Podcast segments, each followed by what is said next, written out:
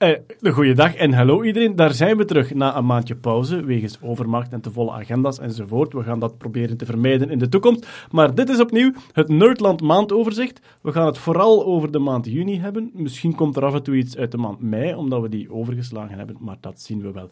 En bij mij zit Marianne Verhelst. Goeiedag, hallo. Dag. Leuk om er te zijn. Ja, welkom. Dank welkom. wel. Jeroen Baart. Hallo, leuk om er te zijn. Eh, Dag Jeroen Baart. Bart van Peer. Hallo, leuk dat ik er ben. Ja. En Stefanie Degene. Ik ben ook heel blij. Oh, wat een blijdschap hier. En dus eh, Bart zit een beetje apart, want die zegt van, ik heb me niet voorbereid en misschien ga ik niet zeggen, maar je springt in als je wilt, hè Bart. Dat, dat doe ik. Dat is het concept. Ja. We gaan er gewoon direct aan beginnen, want er is weer heel wat gebeurd. Ehm, goed, ik ga beginnen met een paar korte nieuwsjes en dan gaan we zo naar de iets grotere onderwerpen. Eh, er zijn weer zwaartekrachtsgolven gezien. De Jee. derde keer nu. De derde keer. En dat is tof, want na drie keer kun je eindelijk een beetje deftige... Enfin, ja, het is nog weinig, hè. Maar er is een patroon zichtbaar. En ze zijn nu ook wel zeker dat we heel regelmatig zwaartekrachtsgolven gaan zien. Lieven, met er zijn weer zwaartekrachtsgolven gezien, bedoelt je, ze, zijn, ze blijven die massa's data doormijnen en ze zitten nu op een punt dat ze weer een piekje ontdekt hebben? Of is het real-time dat ze opnieuw Ja, een ja. detector een signaal hebben zien geven? Ja, ja, dus het is diezelfde Ah. detector, die LIGO-detector, die heeft nu voor de derde keer eigenlijk een botsing tussen twee eh, zwarte gaten gezien. Ah ja. Dus de allereerste keer, ja, twee zwarte gaten die gebotst waren, was de eerste keer ooit gigantische opwinding. Maar je weet nog altijd niet, is dat iets wat jaarlijks gaat gebeuren, om de tien jaar of maandelijks of zo. Mhm. Ehm, en dan is er een, een tweede geweest en nu is er een derde. Nu, die, is, die derde, die is... ehm, ze hebben de resultaten voorgesteld in juni en ik denk dat het evenement zelf van januari was. Want ze, doen altijd, ze nemen redelijk wat tijd om te analyseren enzovoort. En het waren weer twee zeer zware zwarte gaten. Ik denk 19 zonnemassa's en 31. Die dan samengevoegd worden tot ehm, iets minder dan 50. Hè, want de som is Ja. 50, maar er gaan twee of drie zonnemassa's verloren aan energie, volgens ESMC kwadraat. Die veranderen in zwaartekrachtsgolven. En ehm, de eerste conclusie was, tot voor die zwaartekrachtsgolven dachten ze eigenlijk dat de meeste zwarte gaten, ik denk zelfs onder de 15 zonnemassa's zaten. En nu blijkt dat er heel veel zware zijn, want ja, die die ontstaan Anders zouden we die niet zien tot bij ons.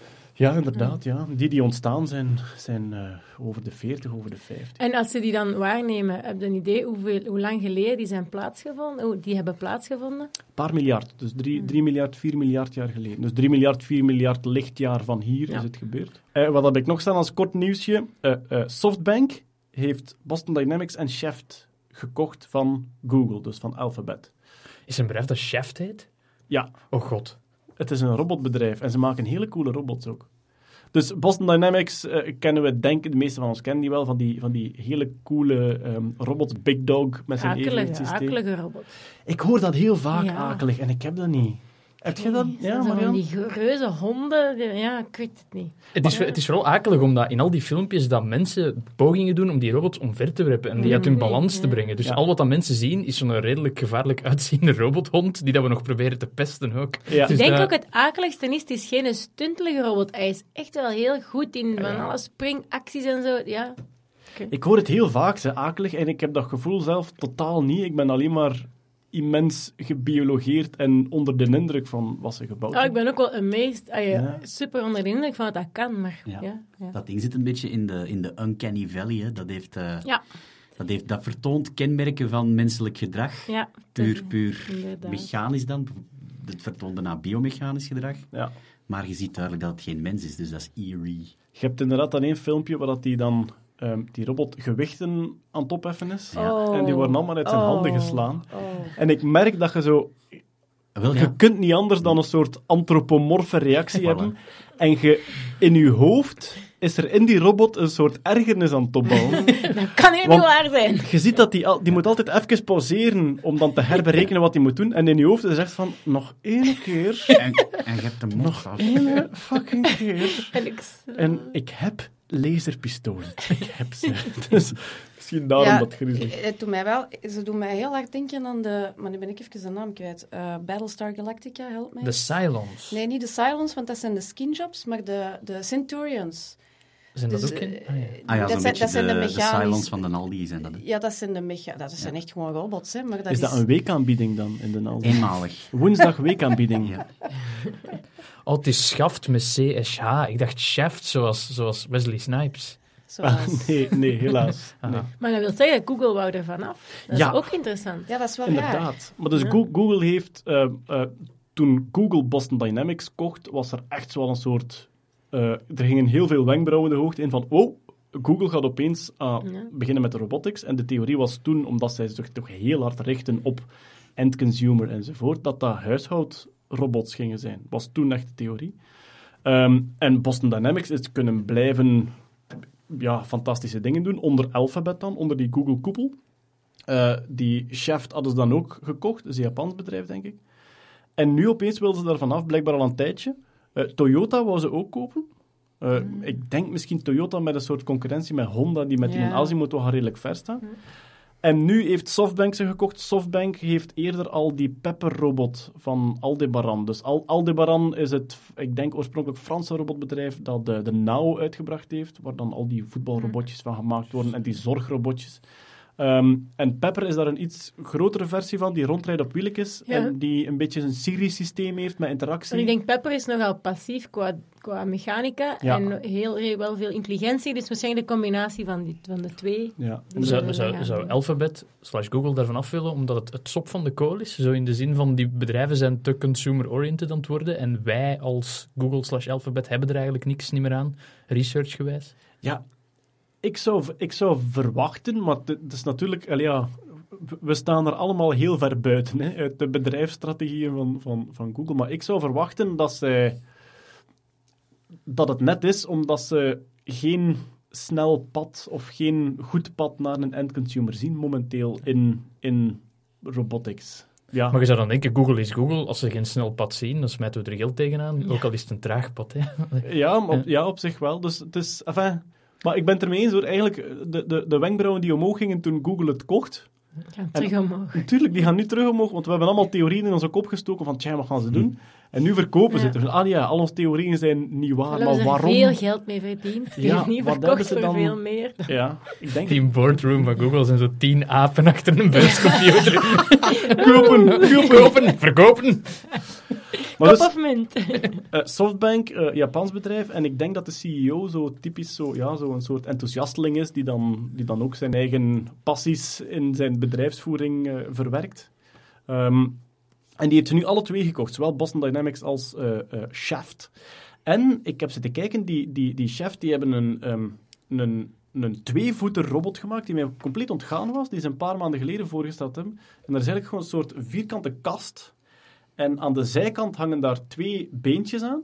En die beentjes die kunnen eh, ja, aan de zijkant van die kast kunnen die op en neer schuiven. En dat heeft een soort... Dat zorgt voor een soort heel futuristisch stappatroon dat op een manier menselijk is, want hij kan dus op één been staan en op één been balanceren en hij kan trappen op en zo. Hoe ga je dan naar voren? Er zijn zwaartepunten verleggen. En wel, Ja, dus, ja, dus, de, dus je hebt een soort vierkante kast en dan die twee beentjes aan de zijkant die op en neer kunnen en die ook natuurlijk kunnen scharnieren. Ja, oké. En inderdaad, hij verlegt altijd zijn zwaartepunt naar voren, zet hij een stapje naar voren en die kan trapjes op en dat soort dingen. Maar hij ziet er heel schattig uit, een beetje R2-D2-achtig ziet hij eruit. Minder akelig. Ja, ik denk, ik denk, eh, ja, ik kan het niet inschatten, want ik vind ze allemaal prachtig. Maar Ja. dus, ik denk minder akelig voor de mensen die robots vaak akelig vinden. En nu is de grote vraag, wat gaat Softbank doen? Want Softbank zit met die, die Pepper, hebben zij immens in winkelcentra gezet. Hè. Dus de bedoeling was toen van, je komt een winkel binnen en je wordt bediend door Pepper. En ja, de vraag is nu, gaan zij dat verder doen met die Boston Dynamics en, en, en Shaft? Of gaan zij toch naar end-consumer gaan? Dus wat, ja, speculatie. De baas van Softbank is Masayoshi Son. En een van zijn bekendste quotes is blijkbaar: I'm a man and I think every man wants to be number one. Dus ik denk, dat, ik denk dat al die robots dat die, eh, ja, dat die piemels gaan krijgen. toch zijn eigen legertje Ja, bouwen. dat is waar. Maar hoe, hoe heet hij? Want we begonnen daar opzoeken. Masa, Masayoshi Son. Ik, weet niet of dat mijn uitspraak Son. Maar dat is goed, want we, we, we hadden toch ooit al het plan om zo inderdaad zo de, de, de, de eh, Silicon Valley alpha male race, een beetje, van wa- waar zit Bezos deze maand, en waar zit Ja. Musk, en, en waar zit Sergey Brin, en, al, en we kunnen hem eraan toevoegen. Jason. Van, van, van welke, van welke ehm, low-budget supermarkt is hij dan het afkooksel? ja, oké. Hij heeft Boston Dynamics en, en, en Chef, dus ik ga hem even te vriend houden. We gaan dan later zien of dat we hem moeten disqualificeren. Ehm, goed, dus eh, ja, eh, robotsdingen. Nog een nieuwsje. De, de Tabby's Star is de, de eh, illustere alien megastructure star. Hè? Dus eh, een, een ster waarvan dat het, het lichtpatroon op hele bizarre momenten naar beneden gaat in een heel grillig patroon en dan heel lang weer stabiel blijft. En die is in de maand mei, want het is, heel, het is maandenlang is, is het terug, is de intensiteit waarmee ze aan het uitzenden was weer hetzelfde gebleven. En in de maand mei is die opeens weer gek beginnen doen. En iedereen was van, wow, de ster doet weer gek, de aliens zijn energie aan het oogsten. Voor, de mensen, voor de mensen thuis, de, de officiële naam is KIC 8462852. Oh, ja. Het is onder die naam dat ik ze ken. Ik was. En er zijn nog altijd een paar Star Trek-fans die heel erg hopen op een Dyson-sfeer. Ja. Dat Ah, was... Is dat echt? Ja. Oh. Ja, Jij hebt daar trouwens ook iets over getweet. Ja, wij waren, ik denk dat wij de enige Ah, ja. twee mensen op Wij Twitter lezen nu een Twitter. Die Wauw. daar Dat is grapjes aan het maken waren over de Dyson-sfeer. Dat is juist. Dat heeft ons denk ik gezamenlijk vier likes opgeleverd. Niemand snapte waar dat Ik heb vijf eonen geleden is getweet. Ik denk dat ik in totaal twintig tweets heb. Zo. Ik ga eens kijken. Maar dus inderdaad, nee, dus, dus, ehm, de, de intensiteit van sterren wordt heel vaak gemeten om, omdat je op die manier exoplaneten kan ontdekken. hè. Als daar, als daar een heel typisch... Eentje patro- langskomt. Ja, als er eentje langskomt, heb je zo'n klein dipje en dat is dan heel periodiek. En dus daarom wordt dat heel vaak gedaan. En dus die, die Tabby die zag opeens een ster met een heel bizar patroon. En die heeft dat rondgestuurd, heel veel aandacht gekregen in zo de, de wetenschappelijke eh, media. En uiteraard, dan is er heel snel iemand die roept Alien Megastructure. En dus de, de theorie dat daar een gigantisch ding ronddraait, dat de energie oogst van die ster op bepaalde momenten. En dus dat je eigenlijk kunt zien van als er nu een frigo open, dus de intensiteit gaat naar beneden. Ja. Ehm, maar er is een, een Londense astronoom die daar ook, die ook op, op Twitter eigenlijk heel vaak zeer zinnige dingen zegt. En hij zei, ja, ehm, aliens als mogelijkheid kun je niet uitsluiten. Je kunt niet zeggen, het is niet waar. Maar hij zegt, het is, het is gelijk lupus bij Dr. House.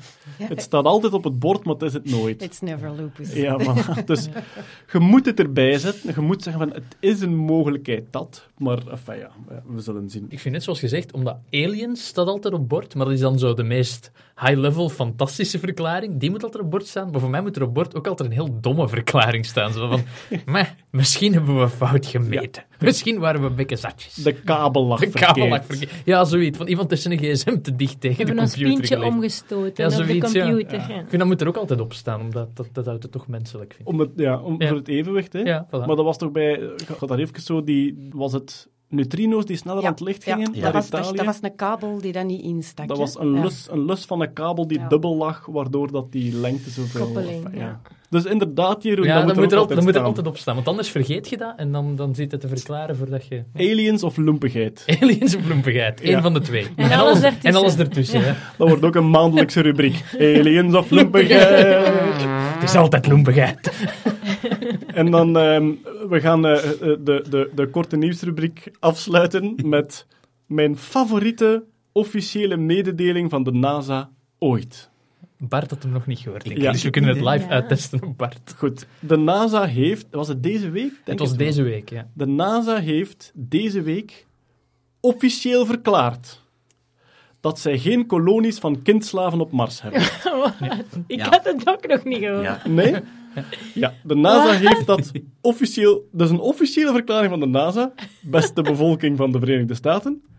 Wij vertellen u formeel dat wij geen kolonie van kindslaven op Mars hebben. Hoeveel moeite moeten doen om achter zo'n persbericht niet te plakken? Duh! En de reden was Denk, een of andere... in- ja, Infowars. Zo de Ja. meest, als je denkt dat Breitbart al rechts is, dan is Infowars... Dat zijn zo diezelfde mensen die denken dat Sandy Hook, die, eh, die massamoord op een Amerikaanse school, dat dat acteurs zijn en dat de- het regenwater de, de kikkers eh, homofiel maakt, weet ik veel wat. en In, in, chemtrails ja, en in alles wat dezelfde, dezelfde stijl Ja. hadden die een gast eh, op de show blijkbaar die dat gezegd heeft van ja, NASA heeft kindslaven op Mars, want dat is de meest logische verklaring voor alle dingen die ik zie in de wereld en ik lees Ah, ja. iets en ik snap het niet, dus voilà. En eh, op een of andere manier had die website daar meer rugbaarheid aan gegeven. Zo'n beetje met zo'n tussenin van, ja, er zijn toch veel dingen van NASA dat we niet weten. Het zou wel, eh, het zou wel kunnen. Maar die, die, die bron was ooit gelieerd aan, was het CIA Ja, of FBI? Ooit CIA, ja. En dus, ja, ook ex-werknemers van de CIA kunnen zot worden natuurlijk, dat is nogal logisch. En, maar omdat hij die geloofwaardigheid had, van daar ooit ergens, ja, weet ik veel, eh eh, bordenwasser geweest te zijn, Ja. ehm, is dat plotseling gigantisch rondgegaan, tot op het punt dat in 2017 een ruimtevaartorganisatie officieel moet verklaren dat zij geen kolonie van Wat nu een leuk experiment kan zijn als we nu vandaag ook weer zo een of ander NASA-relletje verzinnen. Hoe lang duurt dat eerst, zo dat propageren, dat dat opgepikt wordt door NASA zelf? ik Wat vond- moet het doen om daar te komen? Een van de commentaren online vond ik ook al geweldig. De maanlanding is dus fake, maar kindslaven op Mars, Ja. toppie, dat kan. dat is oké. Inderdaad. Ja. Ja, maar dat is inderdaad... Dat, ik moet zeggen, dat is echt wel een soort high-level mediaspelletje. Wat, wat kunt je NASA doen verklaren? Maar wanneer is het begonnen? Die, die... Heel recent. Het is, het is Ja? allemaal de voorbije week gebeurd. Het was zo dat interview met die kerel op Infowars en dan een soort steekvlam van mensen die, die Ja. plotseling geloven dat dat waar was. Tot op het moment dat... Enfin, ook de moment dat je bij NASA denkt van... We gaan, we gaan meer oplossen dan dat we veroorzaken door die officiële Ja. verklaring te geven. Dan moet het toch al ver gekomen zijn. Ja. Goed, we gaan eens naar de iets eh, grotere nieuwsjes. En ehm, eh, eentje daarvan was de ja, Belgische Nobelprijs of Vlaamse Nobelprijs. Wat is het, Stefanie? Het is de Belgische Nobelprijs. eh, maar- Franquie-prijs? Ja, de Franquie-prijs. ja, die gaat naar eh Steve Larijs. En Steve Larijs is een eh, coma-onderzoeker. Hij is een neuroloog en heeft eh, baanbrekend onderzoek eh, gedaan over eh, alle bewustzijnsstaten die er maar zijn. Hè. Dus je hebt, hebt coma, je hebt de vegetatieve staat, je hebt de- het locked-in-syndroom, wat dat tot, voor veel mensen tot de verbeelding spreekt. En een van de dingen die hij ehm, die heeft eh, onderzocht en die, die bewezen zijn ondertussen, is bijvoorbeeld dat 40% van de mensen die in een vegetatieve staat eh, zich bevinden, dat die toch minimaal bewust zijn. Dus iets wat we ervoor niet wisten. Eh, mensen die in een vegetatieve staat zijn, die, die, die, die hebben hun ogen open hè, en die kunnen nog wel bewegen, maar dat zijn reflexmatige bewegingen. En men ging er voordien vanuit van, ja, dat is eigenlijk allemaal gewoon... eh, dat, is, dat, is- dat zijn allemaal reflexmatige bewegingen. Dat is, dat is geen bewustzijn. Blijkbaar is daar wel nog eh, minimaal bewustzijn. Kunnen die mensen ook pijn voelen? Vrij belangrijk, want als je die Dat klinkt zo, dat klinkt zo masochistisch. Ja, maar hij voelt het nog, hè. Die voelt er niks van. Ja, dus dat is vrij, dat is vrij belangrijk. Ehm, hij heeft ook ontdekt dat er twee bewustzijnsnetwerken zijn. Je hebt een intern bewustzijnsnetwerk en een extern.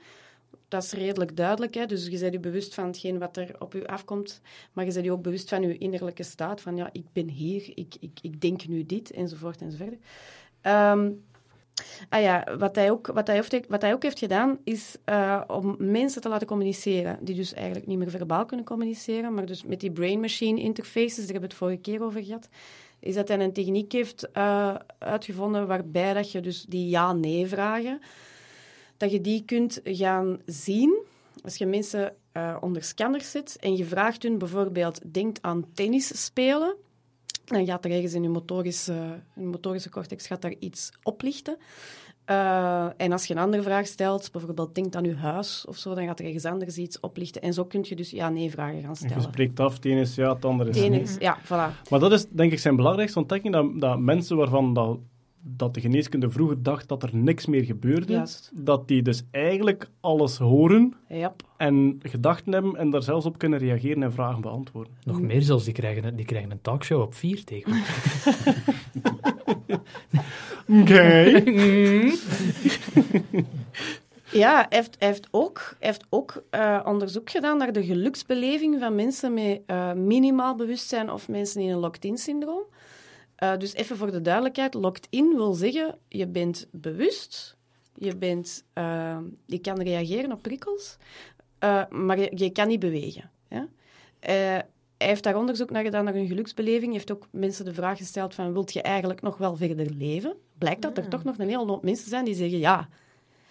En maar, dat is hoe- maar ik ben afvragen, hoe doe je dat onderzoek dan? Dat is puur met hersenscans. Ja, Ja, dus hij gebruikt alle mogelijke, alle mogelijke eh, eh, beeldvorming die er is. Je hebt, je hebt PET-scans, je hebt fMRI, je hebt, je hebt magnetische... Hoe Ehm, zeker is hij dat hij het juist heeft? Want hij, zoals ik het nu hoor, mm, gaat hij af op een hele hoop signalen die Ja. hij uit al die andere machines en onderzoeken Ja. krijgt, maar er is eigenlijk nooit, of is er een mogelijkheid tot validatie van, is dit echt wat dat je wilt, Ja. of lees ik dit in de signalen? Bij dat, bij, bij dat soort ja-nee-vragen kun, kun je heel duidelijk testen. Hè. Als je, je hebt een, een reeks vragen waarop dat zowel jijzelf als die comateuze persoon het antwoord weet. En als je zo tien stelt en die zijn alle tien goed, dan heb je statistisch een grote kans dat je goed. Ja. Hetzelfde geldt is van, wilt je dood? Niet aan tennis denken, niet aan tennis denken, niet aan tennis denken. Hij is aan tennis aan het denken. Trek dat machine maar uit. Hier, hij voelt toch geen pijn. Tennis, tennis, tennis. Maar hij heeft zijn prijs gekregen voor zijn, volledig, voor zijn volledige carrière Ja. tot nu. En niet voor Ja, iets, niet ja voor want iets één specifiek. voordien was er eigenlijk heel... Hij zegt het zelf, het, het onderzoek naar coma was zelf redelijk comateus. Hmm. En, en even, even voor de duidelijkheid, comateus wil effectief zeggen geen arousal, geen awareness. Dus dat wil zeggen ook echt wel niks. Maar uit een coma... De meeste mensen geraken uit een coma. En vrij snel. Hè, na drie dagen, vier dagen, maximum twee weken geraken ze uit een coma. Maar dan, heb je, ja, dan kun je in een vegeta- vegetatieve staat gaan, of je kunt in een minimal consciousness staat gaan, of in een locked-in staat. Dus coma is altijd tijdelijk. Hey, wat, wat, wat is de, de gradatie dan? Wat is, het- wat is het, het meest, nu moet ik oppassen welk adjectief dat ik gebruik, maar het echt het meest, het slechtste dat je in kunt zitten qua coma? Ah, dat, is, dat is brain dead. Dat is brain dead. Dat is het Oké. dood. Dan is, ja, er- ja. dan is er niks niet meer. Nee, nee.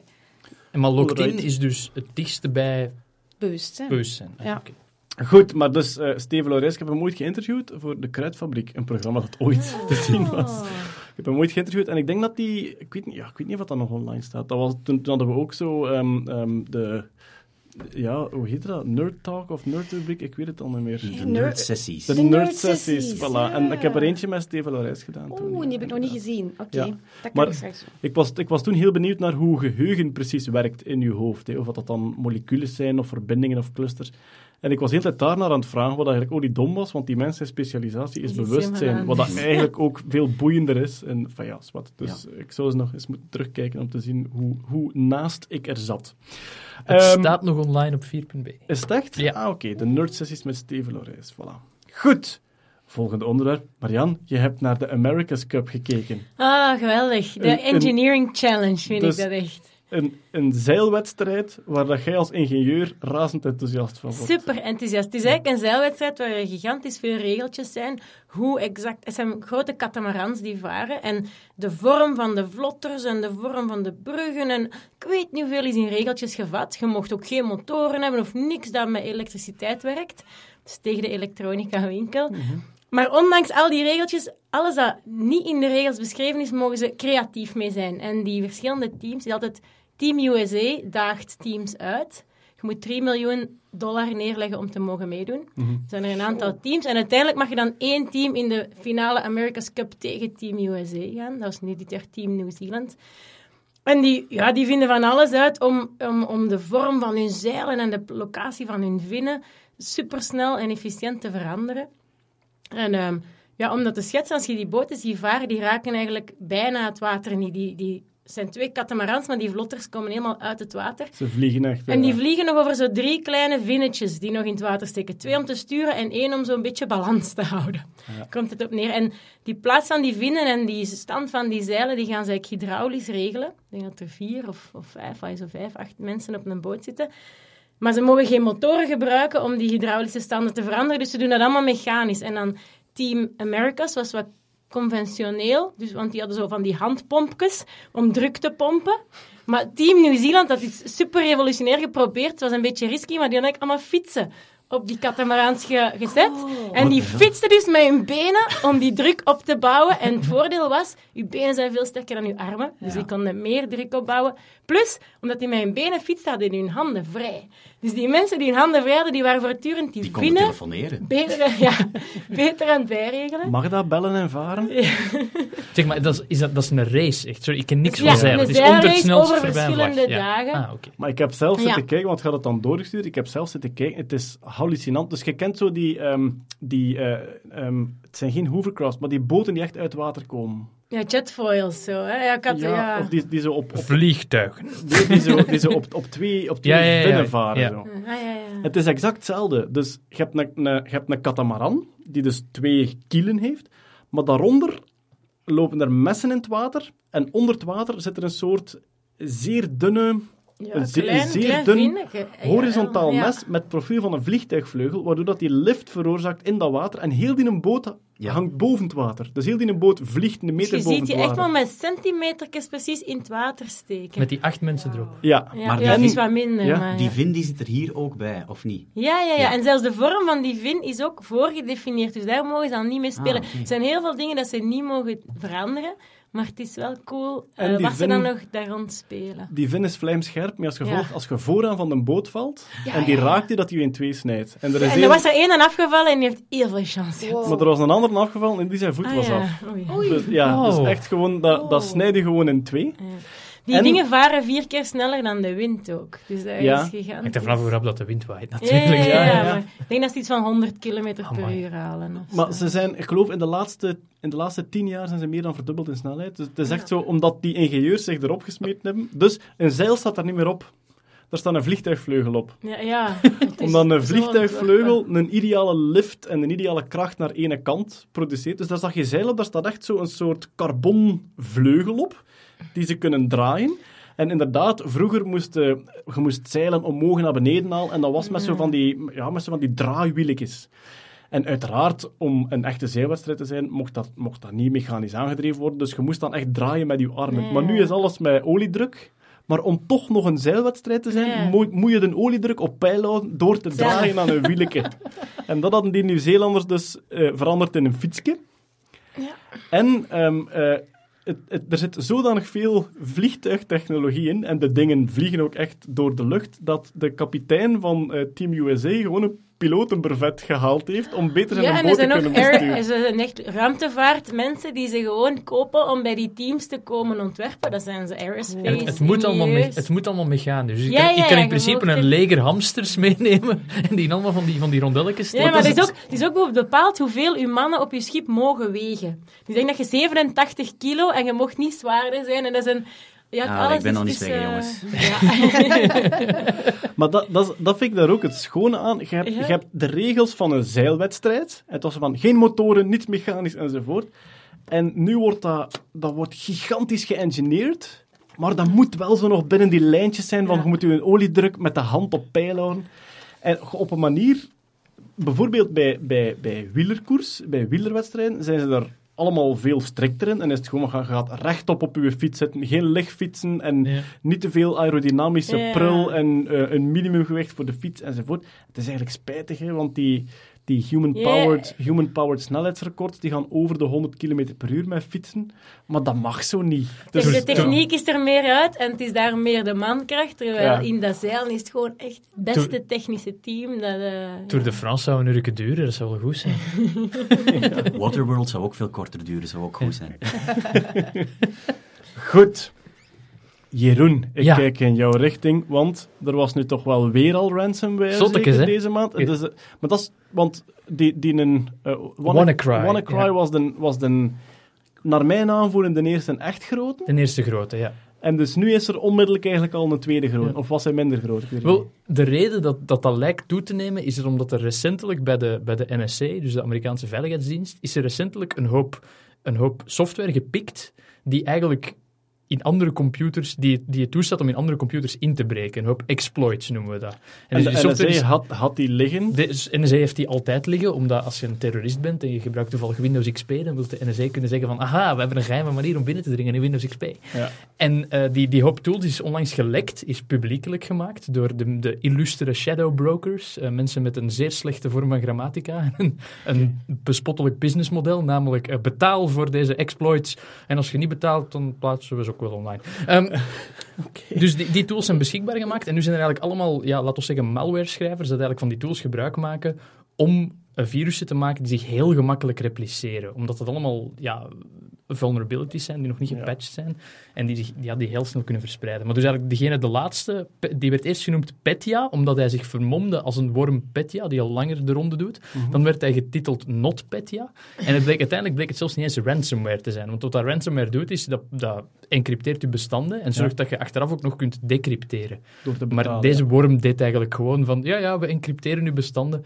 maar schreef eigenlijk gewoon telkens hexadecimaal 07 over al uw bestanden en er was geen manier om terug te gaan. Maar vroegen ze wel centjes? Of Ze vroegen centjes. En toen zeiden ze, sorry, het werkt niet. Sorry, ja, en toen ze vroegen centjes, stuur centjes naar, eh, naar dit bitcoinadres en mail ons dan op dit mailadres. Maar dat mailadres werd natuurlijk direct afgesloten door de provider van dat mailadres. Ja. Dus eigenlijk is de conclusie geweest dat het eigenlijk eerder een soort van test was. Eh, de eerder, eh, laten we zeggen, aluminiumfoliehoedjes beweren dat het Rusland was die een soort van test deed om te kijken van hoe hard kunnen we een land lam leggen, namelijk Oekraïne. Een land waar we toch een soort van eh, haat-liefde verhouding mee hebben, met het noorden dan toch. Hoe snel kunnen we een land lam leggen met behulp van... eh, Maar was het gericht op Oekraïne specifiek? wel, het grappige is dat de initiële verspreiding, altijd als ik, ik ga ook regelmatig in programma's uitleg geven over ransomware, en altijd van, Jeroen, wat kunnen we daar dan tegen doen? En dan zeg ik backups, backup, backup, backups, en dan zeggen de mensen van, nee. en, en dan zeg ik van, oké, hou uw software up-to-date. Ja. En het erge is, blijkbaar initieel werd, deze, werd die worm verspreid door een update van software die de Oekraïners gebruiken om hun belastingen te doen. Dus de Ah. servers van die belastingsoftware zijn gehackt geweest. Er is een, een, Oh. een slechte update naar die mensen gepusht eigenlijk. Al die mensen die zoiets hadden van, ah, die ransomware doet de moeite, ik ga hier eens alles updaten. Dus eigenlijk weet ik nu niet meer wat ik moet zeggen, buiten backups, backup, backups. Ja. Maar dus het is oorspronkelijk in, in Oekraïne. Die dachten waarschijnlijk ook, we zullen eerst testen in een land met een kernreactor die niet meer werkt. Ja, dat is juist, hè. ja, want het is, het is even op het nieuws geweest ook dat in Tsjernobyl het monitoren van de, eh, de, dus Straling, de ja. straling moest manueel gebeuren. eh, omdat de Petya-worm de computers had aangetast. De Ja. niet-Petya. Maar dus die, die, die exploits die de NSA liggen had, die ze dan ook uiteraard niet mededelen aan de, aan de, de providers van Nee. de software zelf, omdat ze zeggen van ja, wij weten het en niemand mag weten dat we het weten. Klopt. Ja.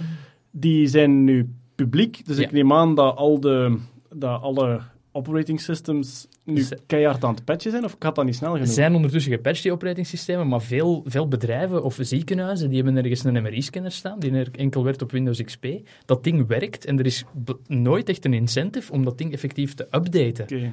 Dus dat is eigenlijk het probleem. De, de updates en de patches zijn er wel, maar tegen dat die helemaal de waterval van bedrijfscultuur en IT doorgecijpeld zijn, Ja. tot waar dat ze moeten zijn, dat is een probleem. Dus de speeltuin is nog steeds groot. De speeltuin is nog steeds groot. Eh, Ik zit eigenlijk te wachten, en dat is misschien een beetje masochistisch van mij, totdat er eens zo'n zo'n ransomware-worm gaat zijn die dat pakweg iPhones of Android-telefoons gijzeld houdt. Omdat nu is het allemaal ver van mijn bedshow. Je Ja, bent een ja. groot bedrijf, je bent een, pakketjes, een pakketjesbedrijf die wat, wat, wat business eh, misloopt, een paar miljoenen.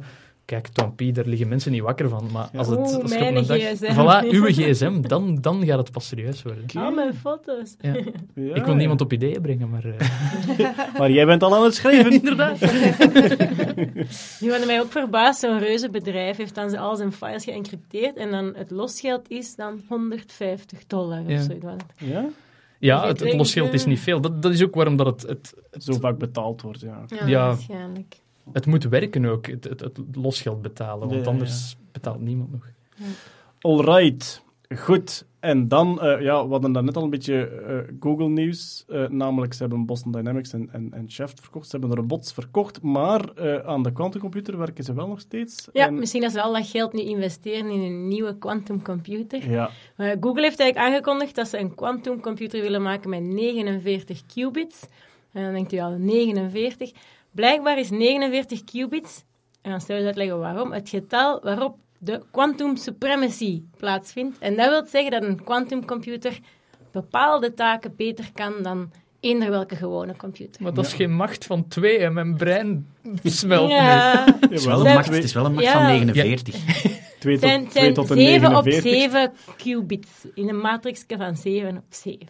Lijkt. Oké, oh, zeven. Ah, oh, Maar dat eigenlijk waren ze denk ik gewoon 49, omdat ze iets dicht bij 50 nodig hadden. En, eh, Het was is jammer dat het geen moeilijk. 42 is, hè. Echt, hè. Oh, Ja. Dat hadden we eigenlijk toch Maar wel- maakt een paar qubits kapot als je die computer Ja, maar die gaan sowieso, zijn er een aantal die niet Ja. goed werken. Dus, En, en de, de hamvraag is altijd die quantumcomputer is van, oh, het is geniaal sneller en het kan problemen aanpakken die huidige computers nooit aanpakken. Wat kan het nu? Is het zo, ik kan een traveling salesman probleem, een bekken de juiste richting kan in nu al porren, zeggen dat of- 21 3 keer 7 is. Ja. We're doomed. Ja, maar inderdaad, ze, ze vinden dit geweldig, want sommige taken kunnen sneller dan een gewone computer. Bijvoorbeeld getallen factoriseren. Maar de getallen die je daarmee hè, in, in deelfactoren kan opsplitten, zijn nog altijd heel klein. Ja. Als je dat echt wilt gebruiken voor cryptografische berekeningen, hè, bijvoorbeeld mijn encryptie met de bank, dan heb je blijkbaar een systeem nodig waar een paar duizend quantumbits goed werken. En om een paar duizend quantumbits goed te laten werken, moet ik eigenlijk een systeem met miljoenen quantumbits hebben. Want er zit heel veel variatie op en variabiliteit en ruis enzovoort.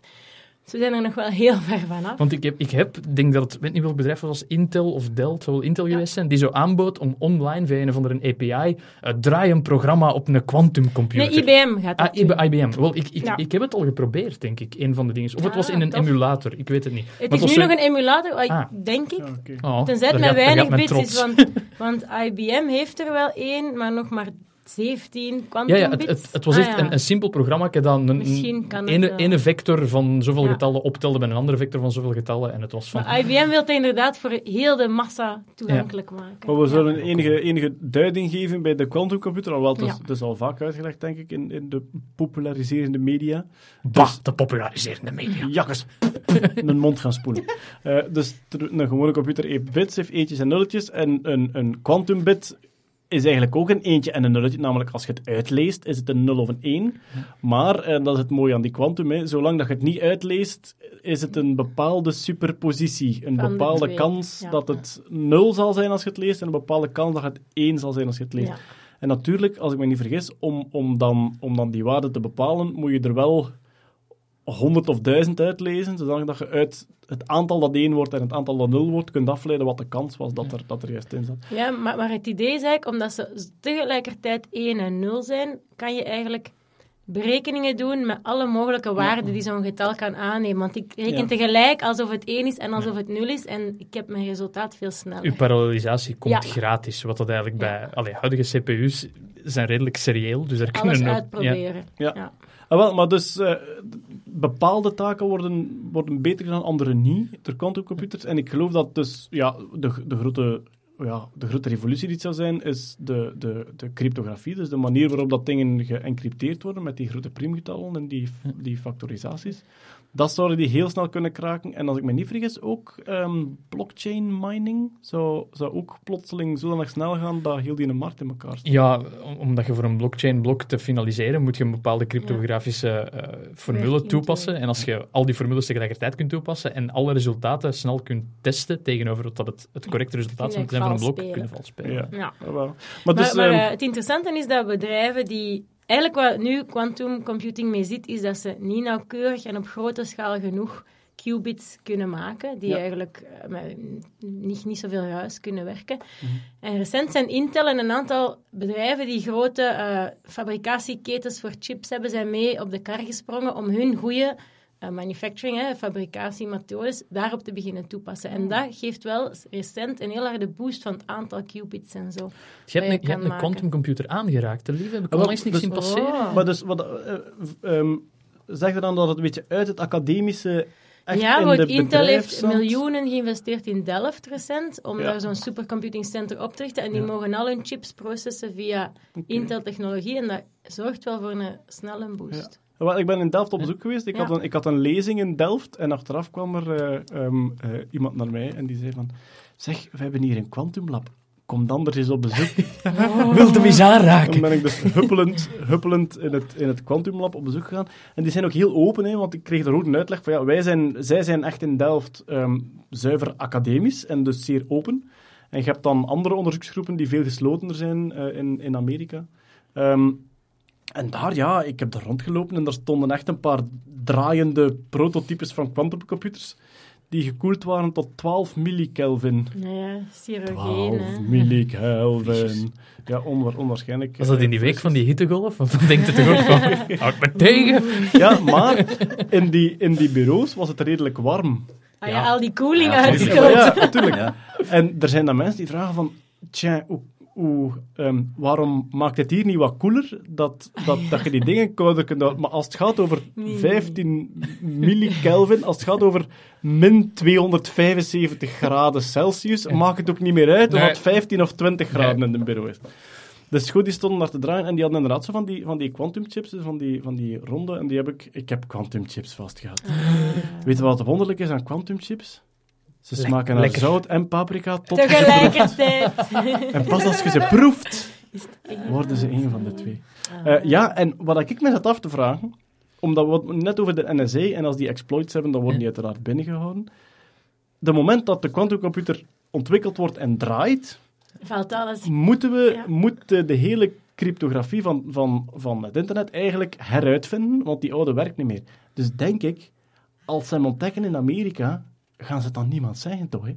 Het is toch veel nuttiger om een quantumcomputer te hebben zonder dat de rest het weet, dan die Ja, en de rest weet het. Dat is waar, maar er is nu ook al onderzoek naar wat ze noemen eh, post-quantum crypto, waar dat ze Oké. eigenlijk... Je kan wel algoritmes verzinnen waar de quantumcomputers geen voordeel bij hebben. Dus Ja. je weet welke soort berekeningen ze snel kunnen en welke niet. Dus dat komt er wel aan, maar de vraag is natuurlijk wie eerst gaat zijn. Ja, ja, ja. Maar, eh, Het is een ja. beetje hetzelfde verhaal als die, eh, die... Hoe moet ik het zeggen? Die programma's, die, of die algoritmes die er nu in slagen om eh, een stem te kopiëren. Ja. Aan de hand van een, een bepaalde lengte aan sample, van- Ja. geluidssample. Dus heel die voice imprinting als, als veiligheidsmechanisme is ook iets dat nu... Want Ja, ja, dat wordt hier en daar toegepast. Ik denk zelfs in, in banken en zo. Mhm. Dus ook Oh, daar wordt al gekeken van, ja, als veiligheidsmethode gaat dat Ja. eigenlijk niet meer marcheren. Ik stond nu op, op, de, op de luchthaven en daar kwam zo een door de, de Superfast Business Lane. En dat was met een iriscan. Dus dan, dat, is, dat, is toch, dat is toch bizar. In een luchthaven staan ze toch echt een beetje in de toekomst. Hè, zo met, die, Ja. met die scanners. Als je, als je met- je armen omhoog is en een scanner staan. En dan naast u een die veel rijker is, die gewoon zijn oog laat scannen. En het poortje gaat open vanzelf. En die valiezen op zo'n band en dat verdwijnt dan in zo'n gat. Dat is, Ja, onwaarschijnlijk. Toekomst. dat is echt zot. Ja, En dat komt soms nog terug aan waar dat Ja, je maar dat, dat- nodig hebt. Dat is echt crazy. Ik denk Dat dat kun dat, je ook niet verwachten. Ja. dat kun je, nee, dat kun je niet Dat is verwachten. met kwantumwaarschijnlijkheden. Ik had zo'n een tafeltje en dat zat in de zetel van de persoon voor mij. Ik moet echt ongelooflijk. Ik klapte dat gewoon uit. Ja, en, en eh, internet in de lucht, hè. Is, joh, ik, maar Ah, ja. echt, ja, ik heb nu naar IJsland gevlogen en dan zo zit een mail op het vliegtuig. Ja, echt. Ja, van ja, het is wat. Het is allemaal, het is de toekomst, jong. We hebben daar einde nog niet van gezien. Dat komt omdat je dan dichter tegen je bestanden zit, want dat zit er bij de cloud. Hè. Dat is het snelste internet.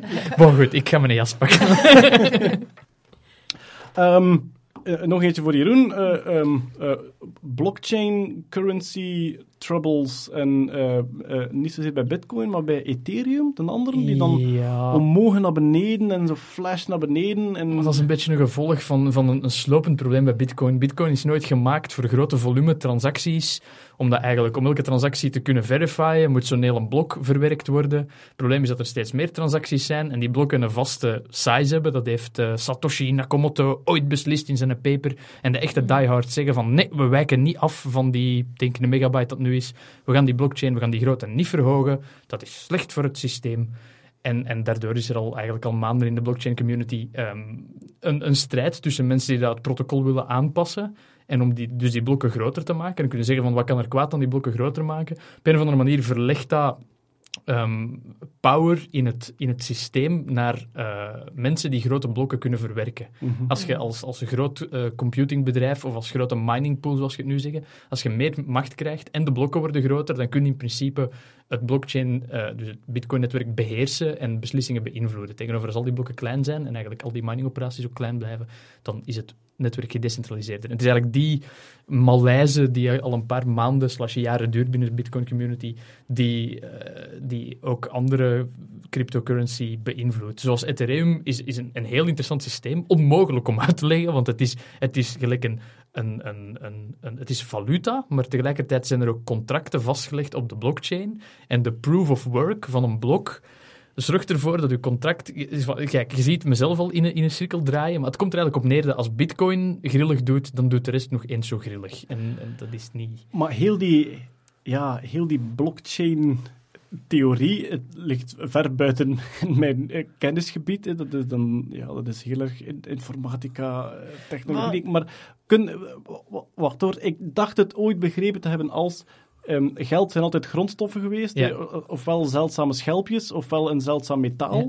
En dat je hier met een soort zeldzame bloks of zeldzame gemine, geminde codes zit Ja. die je moet ontdekken. En een keer dat je die ontdekt hebt, zijn die van u. Het feit dat je een blok kunt eh, finishen, betekent dat je work gedaan hebt. En dat work is erin gekropen in de vorm van rekenkracht slash elektriciteit. Dus in dat geval komt daarvan uw intrinsieke waarde. Zoals dat goud uit een mijn gesleurd wordt. Ja. Bovenop komt het feit dat je werk in zo'n blok steekt, komt ook nog eens het netwerk ten goede, omdat je bedragen verifieert. Dat zorgt ervoor dat als jij start met 40 euro en je stuurt naar een blockchain van ik ga iedereen 40 euro geven, dat wij als blok zeggen van eh, nee, sorry, dat, dat kan niet, lieve. Je kunt Ja. maar één keer 40 euro uitgeven. Dus in dat opzicht, die koppeling tussen proof of work, die tegelijkertijd nog eens het netwerk ten goede komt, Mhm. is wat dat Bitcoin zo populair gemaakt heeft. Ja. Maar dat is tegelijkertijd ook een beetje zijn ondergang, want die proof of work moet er wel altijd zijn. Als je nu online iets betaalt met bitcoin, dan moet je soms 17, 18 minuten wachten op verificatie. Dat is met... Ja, en het gaat alleen maar erger worden, want ze beginnen die bitcoins niet meer alleen te gebruiken voor te betalen, maar ook om dingen te, te valideren op een andere manier. Bijvoorbeeld, ik heb een kunstwerk gekocht. Mhm. Of nee, ik ben een kunstenares, ik maak 100 items van een bepaald kunstwerk. Dan mogen er maximum 100 zijn, niet meer, niet minder. Jij kan er een kopen, jij. Dan kan ik eigenlijk in die bitcoins maar ja, op zo'n manier laten vastleggen dat contractueel 1 naar u gaat. En je kan dat altijd terugtraceren. Jij kan dat weer doorverkopen. Ja. Maar dan kan je weer aan die bitcoin afleiden dat dat van bij mij komt en dat er niet meer dan 100 bestaan. Dus ze gaan dat eigenlijk gebruiken voor een heel aantal andere dingen dan gewoon geld. Ook voor contracten en, en voor authenticatie van allerhande voorwerpen. En dat ontploft. Ik kreeg onlangs een heel interessante vraag in mijn mailbox. Dat gebeurt zelden. Meestal is het van, hey, linkse poco-intellectueel, lik me reet. Maar onlangs kreeg ik een interessante vraag. En dat was van, kijk, met die ransomware, mensen betalen bitcoin. Maar bitcoin is een groot open boek van transacties van persoon A naar persoon B. Dus als ik betaal aan hackers, en die hackers hebben persoon B in de gaten, zie ik dat geld op rekening B staan. En kan ik dat toch altijd blijven volgen waar dat er naartoe gaat? En die, mens, die mens vroeg zich dan af van, ja, hoe kan het eigenlijk dat dat geld ooit terug in het legale circuit komt? Ja. En blijkbaar is er de laatste jaren zijn er enorm veel ehm witwas... eh, bedrijfjes opgekomen die eigenlijk een portemonnee opstellen van goed geld, waar dat je ook slecht geld naartoe kunt schrijven. En dus dat verdwijnt allemaal in, stel je hebt 200 euro slecht geld en 300 euro goed geld. Samen in een portemonnee wordt dat 500 euro. Mhm. Dat geld wordt samengevoegd. Dat. En vanaf dan is dat geld Dus dat, is, questionable. dat is eigenlijk gewoon het bestaande economische systeem dat heruitgevonden Ja, wordt. klopt. Ik vond dat heel mooi. We hebben hier toch weer een, een paar businessplannen ontwikkeld vandaag. Enfin, Dan noemen ze een, een, een bitcoin tumbler, omdat dat zo'n soort van een wasmachine is, waarin Ja. dat je geld smijt en Witwas, wat dat eruit ja. komt. en Ja, alles wordt grijs. Ja. En nu weet niemand Ja. meer wat de stoute en wat de brave Ja, waren. Dus luistertjes, zet u zelf een bitcoin tumbler op, dat gaat ongelooflijk veel geld. Dus ei- eigenlijk, eigenlijk zeg je dan van, hier is een centje. En de politie zegt van, ja maar wacht een keer, dat, het- komt, dat komt uit in een tumbler. Misschien is het een stout centje, maar misschien ook niet. Misschien ook Dat niet. kun jij niet bewijzen. Het is een Ah, oké. qubit centje. Ja. Het is stout en braaf tot tot het straft. Ja, nee, dat klopt niet. Eh, ja, goed. Eh, ja, eh, blockchain, ik snap er eigenlijk nog altijd veel te weinig van naar mijn goesting. Dus misschien moeten we een keer een volledige multi geek over blockchain dingen enzovoort eh, doen. Is goed. Oké, Ja. bij deze. Doen, hè. Very good. Eh, wat hebben we dan? Ah ja, uiteraard. We hebben ons hoofdstukje Musk nog niet gehad. Hij is, hij is stil geweest deze maand. Hij stelt me een beetje teleur. Stil? Ja, het viel mee. Ik, is niet de zottekes geweest. ik heb eigenlijk ik heb twee nieuwtjes ehm, uit het... Ja, ja, twee nieuwtjes. Goh, op zich, het is waar. Hè. Ik bedoel, hij heeft twee keer op een weekend gelanceerd en teruggeland met een raket. Maar ja, bon. Ja, kom zeg. We hebben het wel al gezien. Dus hij is absoluut... One trick pony. Hij is absoluut nog altijd bezig op, al, op alle gebieden, maar zo de nieuwe dingen. ehm, wat is er wel nieuw? Hij is dus zijn eerste tunnelsegment aan het boren Ja. in LA. Hij had e- die eerste proefboringen waren blijkbaar op, op ik denk SpaceX zelfs, op de... Op de ja, ik denk het dat ze, dat ze op de parking van SpaceX zelf aan, aan het boren waren. Of, Uiteraard. of van Tesla. Of van Tesla, wie houdt het ook uit Op elkaar? Mars door kinderslaven. Ah, ja, bijvoorbeeld. Ehm, ah, maar dat zal het zijn. Die kinderslaven zullen van Elon Musk zijn. En dus daarom... En daarom dat kan NASA zeggen, die zijn niet van ons. Ja, voilà, dus dat is, privé, dat is een privaat bedrijf. En dat is heilig in Amerika. Die mogen doen wat ze willen. ja, Trump heeft nog gezegd. Hè. Ja, voilà. Dus hij is zijn eerste tunnel beginnen boren. Ehm, hij, hij is zelf, er zijn al contracten besteld, ik denk van San Francisco onder andere, die zeiden van, hey, als dat zo goed werkt, kom bij ons ook maar boren. En dat zou dan zijn om echte autotunnels.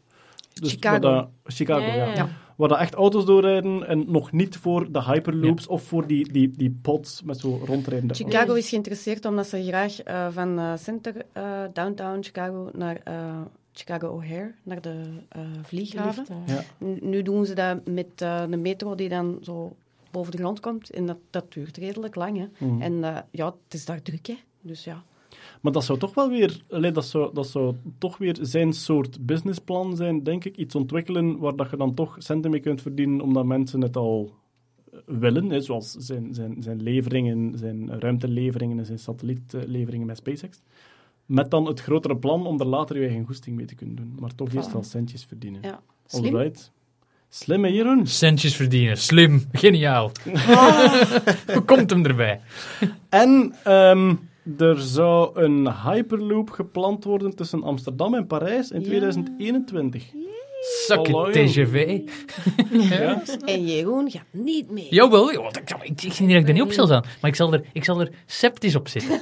Sceptisch, sorry. Ik zal er gewoon eens op zitten van, ja, tof hè. Want TGV was ook leuk. Dan kon ik nog eens uit het raam Ja, voilà, kijken. kan het raam kijken. Maar is er hier een bar? Maar hij had ook, hij had ook iets getweet. Ik denk dat hem een beetje zattekes was. Dus was ook hij alweer? heeft van Oosleit getweet Ja. ook, hè? Deze I love floors. I love floors. Het is een beetje van de vloer is lava en Elon Musk springt erop. Ja. Ik vind vloeren geweldig. Maar ja, ik maar denk ook doet dat regelmatig van die absurde tweets. Ja. Met dat soort tweets worden Maar is het ook niet Musk die zo natuurlijk. kies A, B of C? Van die Ja, die had een, een, een, een, inderdaad zo'n een, absurde Een keuzes die poll. niks met elkaar te maken een hebben. meerkeuzepol die ook vrij onnozel was. Hij heeft een apart gevoel voor humor. Ja. Ja. Nou ja, je kan het humor noemen. maar is ook- Voilà, kijk. Musk is zo goed bezig dat Jeroen enkel maar op zijn mopjes kan kakken Haha. deze maand. Oh, heeft erg. Ja, maar, kijk, hij hand. heeft, maar volgens mij luistert hem naar de podcast en heeft hem zoiets van... Ah, hm, misschien toch even wachten met mijn snazzy filmpjes. hij heeft schrik van mij. Er is Ik- geen enkele 3D-animatie Nee, dat is juist. Dat is klopt. juist, ja. Nog niet. Goed, dus qua Musk-skepsis ja, is een beetje is spijtig, het een beetje wachten, wachten tot de volgende We aflevering. hebben wel hè. zullen zien. Bezos-skepsis, maar daar hebben we nog geen goed woord voor. Bezos... Bezos, eh, Bezos, maar ja, die, die wordt ook niet zo opgehemeld, denk ik. Die, die, in zijn, behalve in zijn eigen hoofd, maar Ja. niet door de buitenwereld. Alhoewel, er zijn wel veel grote techbedrijven die in de problemen zitten, want Bezos is onlangs aangevallen door Trump, ook al zit hij in de, de adviesraad van Trump. Maar Ah. Trump heeft gezegd van de Washington Post, jullie betalen geen internettax. De, hele- juist, de hele wereld, ehm, er bestaat niet zoiets als internettax. En Jeff Bezos van, nee, er bestaat niet zoiets als internettax, maar ik, ik zit toch met de poepers. En Google heeft onlangs een boete gehad van, van Europa, de grootste boete ooit, Allee. wegens, eh, ja... Bepaalde resultaten die naar boven komen in de dinges. Eén, wat was het? Hun, hun omzet op een jaar was 90 miljard en de boete was 9 miljard. Dus het is toch wel. Oei, 10%. Ja. Dus, misschien daarmee dat ze alles hebben moeten verpatsen, dat zoiets was. Van, Ja, van hier mogen we betalen in robots. Ehm, ja, eh, eh, ja, Bezos was wel in het nieuws, want er was, een, er was een, een patent door Amazon ingediend voor een drone hive. Ja. Een soort gigantisch flatgebouw waar dat onderaan vrachtwagens inrijden en dan met allemaal, gelijk een duiventil, allemaal rametjes waar dan drones uitvliegen. Je moest midden in de stad Ja. staan, hè, in alle grote steden. Ja, de drone hive midden in de stad. Eh, het, was nog maar, het was nog maar een patent. Ehm, wat hebben we nog staan? Een beetje self-driving nieuws. Zowel Google als Uber zijn de tests begonnen met self-driving trucks. En van Google staan er, ik denk, zoals foto's of zelfs filmpjes. Maar zo self-driving trucks, dan hebben we het echt over die Ameri- Amerikaanse mastodonten. Nice. Die dan... Heb die maar eens eh, van Ja, Maar achter. ja, Gaan die nou zelf masturberen op de parking van de 919? Zo'n hoop- Zo'n hoop elektronische trucks dat er geparkt was ze niet aan het doen. Niks. En filmpjes draaien. Ja, we zullen zien of, wat de, wat de trucks ook eh, beginnen rondrijden. Eh, tevens, eh, Antwerpen wordt proefgebied voor zelfrijdende voertuigen vanaf 2019. Er zijn een paar Europese proefgebieden vastgesteld en Antwerpen is er eentje van. Ja, Dus er komt speciaal elektronica op de ring, die eigenlijk, waardoor dat je dus zowel de infrastructuur met de wagens kan communiceren als omgekeerd. Ehm, ja, dus kijk, ehm, ik neem aan dat, eh, dat de brugtunnel, wat het ook gaat worden, dan nog niet af zal zijn. Maar Nee. zelfrijdende Dus, eh, auto's, Echt, echt rap vooruit gaan die niet aan, eigenlijk. helemaal sa- samen in de file, Ja. ja. Staan wachten voor de knip. Nu, je ooit onderzocht, als je maar 5% zelfrijdende wagens hebt, zijn de files al gigantisch veel minder, omdat die eigenlijk alles controleren en, en op de juiste snelheid Juist, houden. Een beetje blokrijden, maar geforceerd door heel weinig zelfrijdende auto's. Er was inderdaad zo'n soort, een soort be- bepaalde patronen als, als, een, als een centrale computer die zelfrijdende auto's kon besturen, kon die Ja. inderdaad door bepaalde patronen de rest van de weggebruikers nudgen Ja. in een soort beter weggebruik. Maar ik denk dat ze als, met heel, zelfs met heel weinig dat dat al superveel effect heeft. vraag me af wat dat in, in Italië geeft. Ja, ik denk, pro- denk dat je in Italië een hele hoop qua Italianer hebt dat zo'n zelfrijdende auto in zijn gat zitten voordat hij ook maar iets kan controleren. Qua hier, sorry. Het is wel een oplossing voor verkeersagressie. Zo mensen die dan kijk kwaad uit in een auto Een komen en robot. zo. Ah, damn it. En dan zo'n Boston Je kunt met Dynamics die robot. baseballbat Ja. ook op die uh, lidars van boven kloppen, Ja. natuurlijk. Een Boston Dynamics robot. What is the problem? Zo- Zo'n heel traag ont ontrollende fuck you vinger. Drie servomotoren opgeofferd aan verkeersagressie. Zeg niet te gauw, het is weer een processor. Zeg niet te vlot, dat is weer een robot. Eh, ja, ook in, eh, een beetje in het self-driving, self-flying flying genre eh, zag ik een bijzonder indrukwekkend filmpje van zo'n, ehm ja, de huidige modetrend is vertical takeoff electronic pods. En er is een Duitse in ontwikkeling, Lilium heet die. En die ziet er wel heel, heel schoon uit. Is, ja, zoals alles, zoals alles wat futuristisch is tegenwoordig, is het precies gemaakt door Apple. Het is een beetje rond en wit. Nee, vind je het niet mooi, Jeroen? Is- Ik ben aan het, eh, Bart is aan het zoeken, maar ik kwam op Lely's uit. Is het, is het een Lilium. 3D-render of is het een echt filmpje? Het is een echt filmpje. Er is Ah. zijn eerste testvlucht en hij heeft dus... Hij heeft- kan Musk nog iets van leren? Ja. Was dat wat je zei? Hij heeft dus een soort... ehm, ja, eh, is volledig elektronisch en hij, hij kan dus verticaal opstijgen, recht omhoog. En dan... eh, Ja, er staan zo van die vleugeltjes op met allemaal kleine propellers in, die hij dan achterwaarts trekt. En hij kan 300 km per uur gaan. En ehm, met, ik denk ook een bereik van 300 kilometer of zoiets. En dus, ja, zoals, zoals al die ehm taxidrones het zou dan gaan om files vermijden voor de hele rijke mensen in het begin. hè. Het ziet er ook echt... eh, Het is een van de meest autogelijkende eh, vliegende auto's die ik al heb gezien. Want de klopt. meeste, de meeste zien er toch een beetje helikopterachtig uit. Hè? de meeste zijn zo'n drone met wat, met wat, met Ja. wat stuff op. hè. En dit is Ja. echt wel een soort... Ja. Dit is echt wel een autogelijkend... En als ding. we, als we even in het, in het esthetische genre, dus ehm, het- je hebt de Henk Rijkaard school, alles ziet eruit als een sportschoen. Dat is hier niet echt het geval. En je hebt Nee, dan de. Jeroen Baart school, alles ziet eruit als een lavalamp. Daar ligt het iets dichter tegen. Ja, deze, is, heeft ook zo smoothvormen, geen hoeken, geen... Maar ja, dat zal met aerodynamica te maken Ja. hebben natuurlijk. Dus in dit, in dit geval kan ik dat vergeven, want... Het is, niet Ja. van, het is niet van de Russen. Nee. Dat kan je- Nee, dat is waar. Het lijkt een heel klein beetje op die auto van de Jetsons. Hmm. Vind ik. Oké, maar dus... Het lijkt eh, op een grote vliegende suppo voor mij, vind ik Ja. dat is uw Dat hoofd. is jouw brein. Zo Ehm, gemaakt door een kindje dat zegt van, weet je wat, ik ga een vliegtuig tekenen. Of nee, of nee ik ga een auto tekenen. Een vliegauto. Ja. Ja. Mooi. Oh, Mooi. hang maar tegen de ijskast. Maar dus hij heeft zijn testvlucht gedaan, dus eh, eh, proof of concept en al, en het werkt al. En we zijn voorbij het 3D-filmpje. Ja. Oké, ik denk dat we er door zijn. Ik had nog eentje staan en dat is, eh, sinds kort heeft het Amerikaans leger officieel een Space Squadron. Voor ruimteoorlogen. Oké, en wat doen die dan? En dat bestaat en dat is opgericht. En ik moet zeggen, hun taak is tweeledig. Enerzijds, eh, ze geven training ook. En enerzijds, er stonden, ja, ja, het zal wel voor een stuk geheim zijn. Want zo zijn ze wel bij het Amerikaans leger. Die doen Ja. al een keer geheim. En ik dacht, voor een stuk moesten ze, waren het technieken om eh, satellieten te jammen. Dus om eigenlijk Ah. de communicatie weg te jammen. Ehm, maar ook, ze gaven training in wat de grondtroepen moeten doen als de GPS wegvalt. Omdat alles is, alles is eigenlijk ontstaan vanuit de bezorgdheid. Ehm, het Amerikaans leger steunt eh, gigantisch op GPS, eh, zowel voor begeleiding van raketten en al, alles wat je wilt. En er, hangt, er hangen zoveel dingen in de ruimte dat je niet meer kunt weten wie dat wat doet. En dus, het, is een, het zou een logische redenering zijn voor eh, militaire vijanden van, de, eh, van Amerika, om te gaan kijken, kunnen wij die GPS-satellieten niet ofwel vernietigen ofwel jammen. Hè? Kunnen we daar geen, niet zo veel straling op sturen dat die geen codes meer kunnen doorgeven. En dus het Amerikaans leger anticipeert erop en zegt van, goed, wij hebben absoluut protocollen nodig wat we doen als hier die GPS uitvalt. En ze zijn dus nu aan het onderzoeken van, kunnen wij dat met andere satellieten doen? Als ze dat doen naar ons, hoe kunnen we ons verdedigen? En dat heet dus nu het Space, Squad- eh, Space Aggression Squadron, heet het geloof ik officieel. Aggression Squadron, dat klinkt wel niet echt neutraal.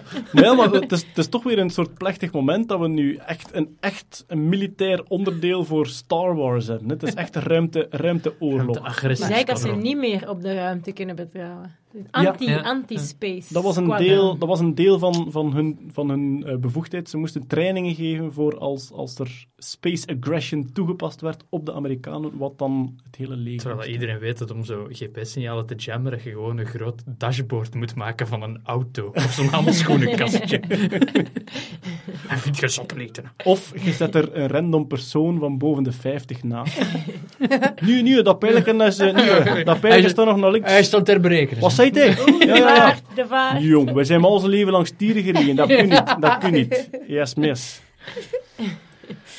Goed, we zijn er weer door. Ah. Oké, ehm, ik dank iedereen voor het luisteren die het tot hier eh, uitgehouden heeft. En ik dank jullie natuurlijk om er hierbij te zijn.